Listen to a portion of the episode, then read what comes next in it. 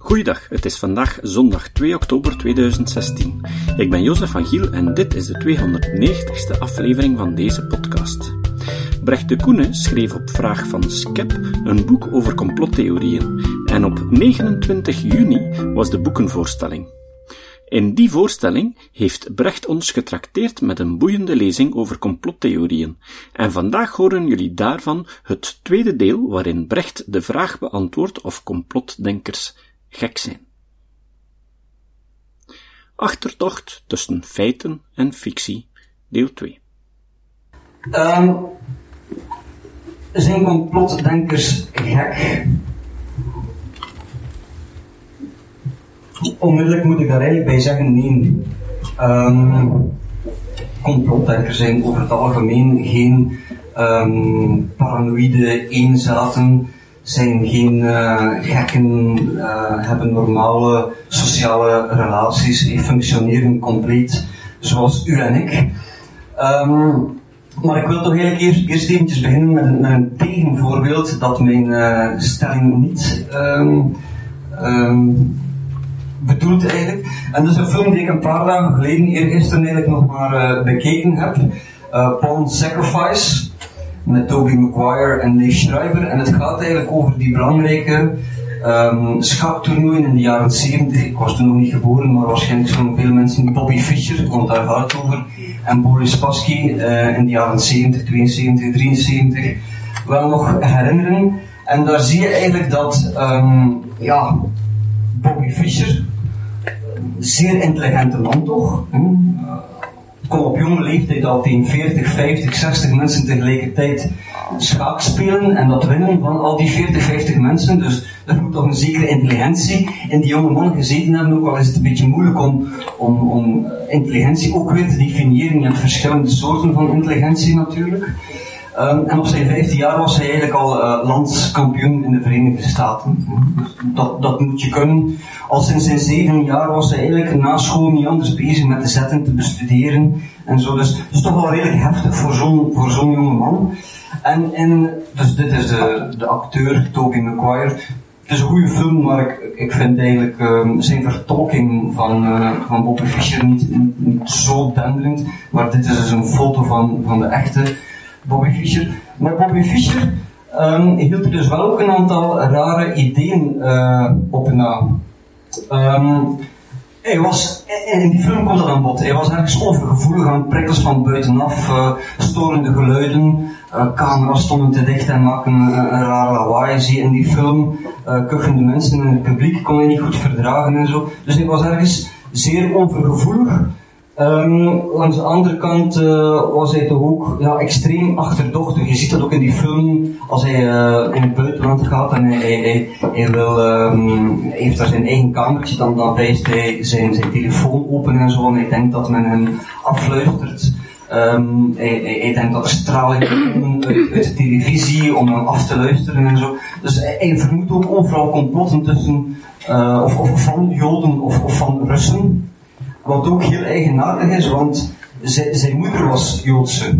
En later is eigenlijk ook gebleken, maar dat, um, dat is niet zo bekend als zijn vader waarschijnlijk ook Joods was. Dus hij was vo volledig Joods. Maar toch was hij sterk antisemitisch. Uh, ik heb onlangs nog uh, een, uh, een radiogesprek van hem beluisterd. Um, vier uur na de aanslagen van 9-11 op een Filipijnse schimmige radio, niet zo, niet zo bekend. En um, daar zegt hij bijvoorbeeld, de interviewer vraagt aan hem, wat vind je van die aanslagen hier nu uh, uh, in New York? En hij zegt, yes, well, what a wonderful news. It's time for the fucking US to get their heads kicked in. It's time to finish off the US once and for all. Fuck the US. I want to see the US wiped out.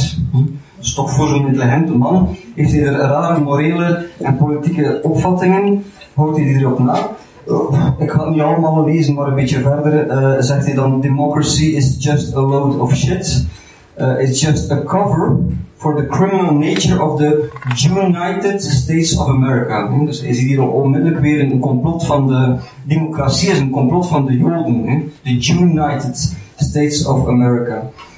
Een beetje verder ook nog, ja, ik zal het hier niet allemaal lezen, maar hij zegt, uh, fuck the Jews, the Jews are criminal people, they mutilate their children, they are murderous, criminal, thieving, lying bastards, they made up the Holocaust. Dus hij gelooft ook niet dat de Holocaust waar is. There is not a word of truth uh, to it, they are just the worst liars and bastards.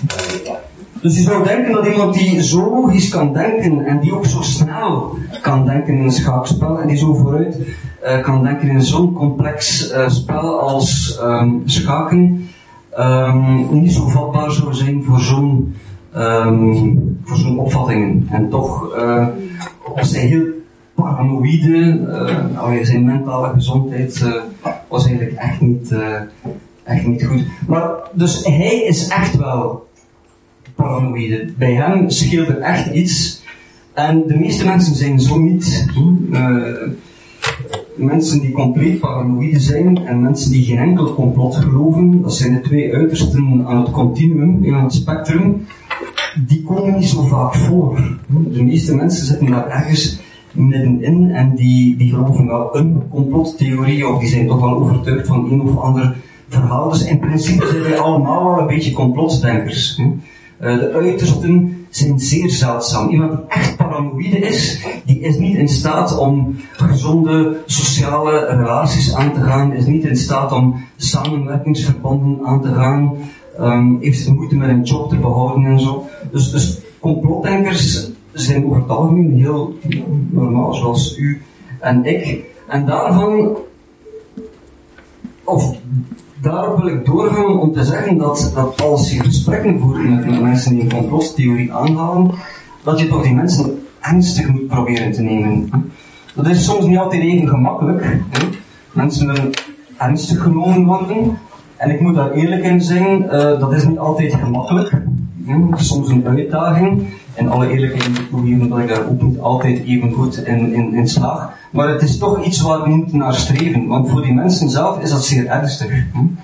Um, en je moet dus op een, op een zo respectvolle manier proberen uh, om te gaan in discussies met die mensen. Dus eigenlijk al een beetje een tip voor in die discussies, wat ik later uh, ook nog zal, uh, zal behandelen. Um, eventjes een beetje kort over mijzelf. 15 of 20 jaar geleden was ik ook heel vatbaar voor complottheorieën. Um, ik vond dat spannend, ik vond dat uh, prachtig, ik, eh, ik, was daar rap in meegezogen.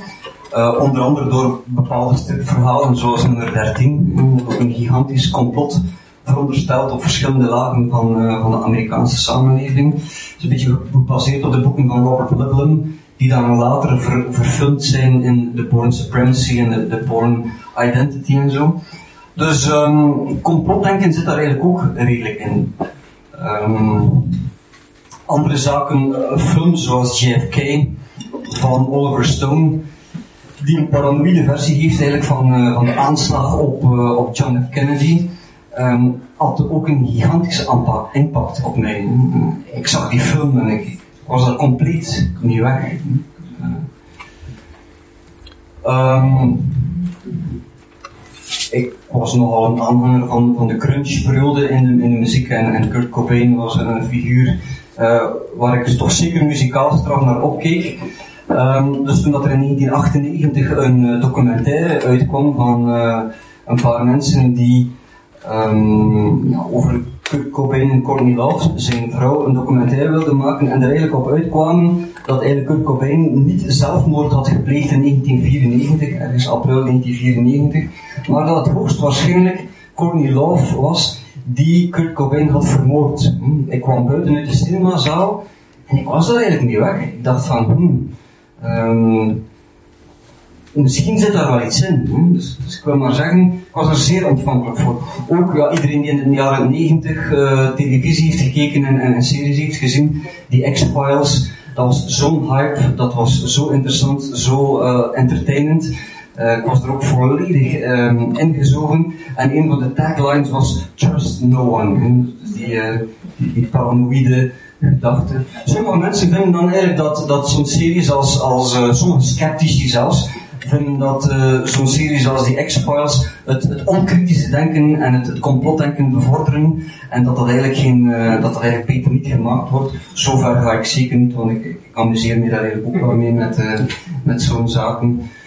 Maar opnieuw, en dat is eigenlijk een beetje de reden waarom, waarom ik ook vaak refereer naar, naar films, is het is zo alomtegenwoordig in onze populaire cultuur. Ook als je er niet naar zoekt, uh, ook als je gewoon een film wil kijken, ja, dan heb je binnen de kortste keer een film vast waar dat er een, een uit de kluiten gewassen samenzwering aan te pas komt en, en dat verkoopt. Dus dat is zeer aantrekkelijk.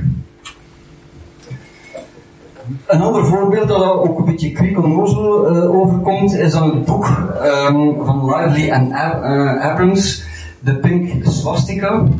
Zij zijn er eigenlijk van overtuigd dat de nazi's eigenlijk homo's waren. Je moet er maar op doen. Dus zij zeggen, um, eigenlijk al top, top nazi's, dat waren homo's en eigenlijk uh, is het nazisme uitgedacht geweest door, door homoseksuelen en al die, die gruweldaden komen eigenlijk voort uit, uit het brein van, van homoseksuelen. Nietzsche is ook een, een homoseksueel. Um, en eigenlijk is, is heel uh, het nazisme bedacht in een, in een gay bar, in een homobar in München in de jaren twintig. Uh, dit gaat er ook ver over. Hè. Dit, klinkt ook zo krikkelnoos dat je denkt van uh, kan iemand op ernstig nemen. Maar je, je voelt onmiddellijk ook alweer um, waarom is het belangrijk dat je complottheorieën bestudeert. Dat is omdat je voelt dat er soms wel mensen daar schade kunnen van uh, ondervinden. Dit is duidelijk uh, vanuit een, een, een, een, aversie, een haat voor homoseksuelen. En dan gaat men eigenlijk zeggen dat het nazisme voortspruit uit een homoseksueel terrein of zoiets. Dus er zijn ook mensen die daar uh, last van ondervinden. Je voelt ook dat, dat bepaalde complottheorieën haat um, opwekken of proberen te, te, verspreiden. En dan kan ik eigenlijk een, sprongetje maken naar, naar een, aantal andere complottheorieën die, uh, die ook schadelijk kunnen zijn voor mensen. En ja, je kan je afvragen, is dat allemaal wel gevaarlijk, in complottheorieën? We moeten daar niet over, we moeten daar niet overdrijven. Je hebt verschillende complottheorieën sommige zijn eigenlijk redelijk schadeloos, zijn zeker niet gevaarlijk. Uh, heel veel complotdenkers zijn ook uitgesproken uh, pacifistisch, um, willen dus uh, geen geweld gebruiken.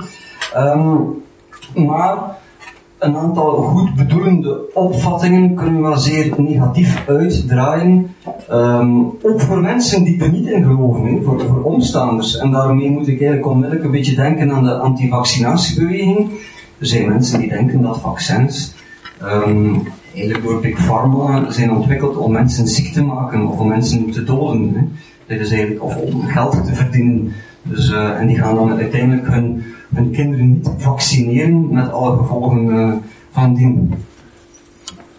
Sommige mensen herinneren misschien het, onderzoek van uh, Andrew Wakefield. Als, die naam, als die naam uniek zegt, dan zal misschien de bewering die erachter zit, of het resultaat dat hij heeft behaald, wel bekender zijn. Hij deed een onderzoek in 1998 waarin hij aantoonde, of dacht aan te tonen, dat er een verband was tussen het vaccineren met het BMR-vaccin, dus dat vaccin dat velen van ons hebben gehad om de bof en de mazelen en de rode hond um, te voorkomen, dat als je kinderen daarmee vaccineert, dat die op latere leeftijd autisme zullen ontwikkelen. En je ziet dat dan hier, het aantal mensen die uh, die vaccins krijgen. En dan zie je hier het aantal mensen die uh, autisme hebben.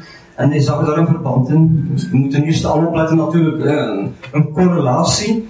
Een samenhang is niet hetzelfde als een causaal verband. Dat is al het eerste iets. Maar er waren heel veel andere onderzoeken die dat tegenspraken. Dus als, dat leek al een beetje dubieus, dat, dat opzet. Andere mensen zijn dat dan beter beginnen bekijken. Hij had het ook, ook maar op zes of acht of tien mensen uh, uitgetest. Dus die, die onderzoekspopulatie is eigenlijk ook te klein om daar eigenlijk uh, een betrouwbare uitspraak over te kunnen doen. Maar uh, later is dan eigenlijk gebleken dat Andrew Wakefield um, betaald kreeg om dat resultaat te krijgen. Puur bedrog, dus eigenlijk. Een aantal andere farmaceutische bedrijven wouden in plaats van dat PMR-vaccin dat je in één keer kan toedienen, wou daar drie aparte vaccins van maken en dat apart op de markt brengen en zo konden zij meer uh, geld daaruit uitslaan. Dus het was eigenlijk zijn bedoeling niet, niet zozeer om vaccins op zich verdacht te maken. Dat is ook interessant al. Um, hij wil gewoon dat BMR-vaccin verdacht maken om drie andere vaccins te kunnen promoten. Maar de vaccinatiebeweging is er natuurlijk opgesprongen en heeft dan gezegd dat alle vaccins eigenlijk gevaarlijk zijn. Dus, uh, de antivaccinatiebeweging sorry, is daarop gesprongen. En um, ja, omwille van die fraude, van dat bedrog, is hij uh, ontslagen geweest. Hij mocht geen dokter meer zijn. En heeft zich nu eigenlijk aangesloten bij de antivaccinatiebeweging. Dus, dus uh, omdat hij daar dan wel nog lezingen kan geven. Dus, dus een soort opportunisme eh, die toch zeer immoreel is.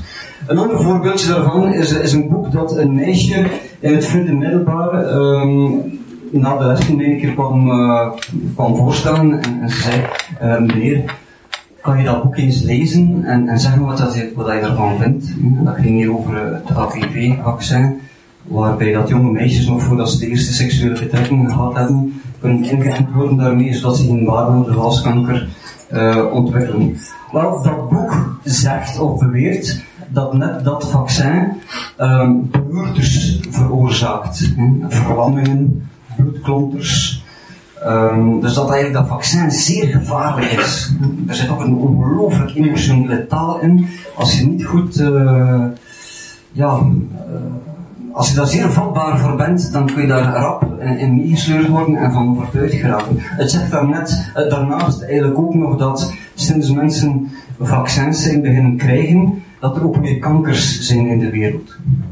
Kan ook van iets anders zijn, van een andere levensstijl, van vervuiling, ik allemaal. Maar dus um, heel veel moeders lazen dat waarschijnlijk en, en, en dachten, oeh, dat vaccin is gevaarlijk. Uh, ik zal mijn, mijn dochter daar niet uh, mee inenten. Maar dus ook met dat PMR-vaccin, als je weet dat 1 op de duizend mensen die mazelen krijgen sterft, en dat nog een keer 10 of 20 procent van de mensen die de mazelen heeft, soms wat complicaties kan oplopen en dat, dat blijvende schade kan van ondervinden, dan is dat wel spijtig. Maar uh, ondertussen was het kwaad geschied. Uh, het onderzoek van Andrew Wakefield was een van de meest vermelde uh, wetenschappelijke onderzoeken die in de jaren 2000 zijn aangehaald geweest in de pers. Nogmaals, niet elke complot, complottheorie is even gevaarlijk of schadelijk, maar sommige zijn dat wel. Um, waarom is het nog belangrijk dat we dat bestuderen? Als je dan kijkt hè, uh, naar hoeveel mensen dat geloven, dat mensen daar uh, geloof aan hechten. JFK was killed by a conspiracy, dus niet door Lee Harvey Oswald, maar door de CIA en de KGB en misschien door Jackie Kennedy zelf en de Russen en, en of, iedereen samen dan nog een keer. Uh, dat is toch blijkbaar in Amerika bijna 70 procent. Dat is veel. Not. The attack on the Twin Towers was not a terrorist action but a governmental conspiracy. 36. Andere onderzoeken of enquêtes wijzen soms naar 40% uit. Dat, is veel. Um, the American moon landings were faked. Toch bijna 1 op 4, 1 op 5. Princess Diana's death accident was not an accident. Uh, 29. Dus er zijn wel veel mensen die, uh, die daar geloof aan hechten. Dat op zich, naast het feit dat het veel voorkomt in populaire cultuur, in films, um, zijn er ook veel mensen die daar um, in meegaan. Kan ook een stuk te maken hebben dat overheden de laatste jaren eigenlijk um, een beetje naar geloofwaardigheid hebben ingeboet. En hier zie je een, een, ja, een, een, longitudinale studie van uh, Pew uh, is een uh, gerenommeerd centrum dat uh, allerlei opvattingen um, onderzoekt in samenleving. En hier zie je dat het vertrouwen redelijk groot was nog in, het jaren, de jaren 50. Zit boven de 70 procent. Maar eigenlijk nu in 2015, vorig jaar, zit het eigenlijk maar op 20 procent neer. Dit is geen complottheorie natuurlijk, maar het, het kan mede een verklaring zijn waarom dat mensen gevestigde instituten als de wetenschap, de overheid, de journalistiek eigenlijk niet meer uh, geloven en daardoor meer vatbaar zijn eigenlijk voor, uh, voor complottheorieën. Volgende keer gaat Brecht dieper in over hoe je best omgaat met complotdenkers, hoe je met hen discuteert en wat je best niet doet. Het citaat. Het citaat van vandaag heeft te maken met een echt complot. Eén die mij al bijna gans mijn leven ergert. Er zijn mensen die denken dat Monsanto een complot uitwerkt om de absolute macht over de mensheid te bekomen met hun gentechnologie en hun pesticiden.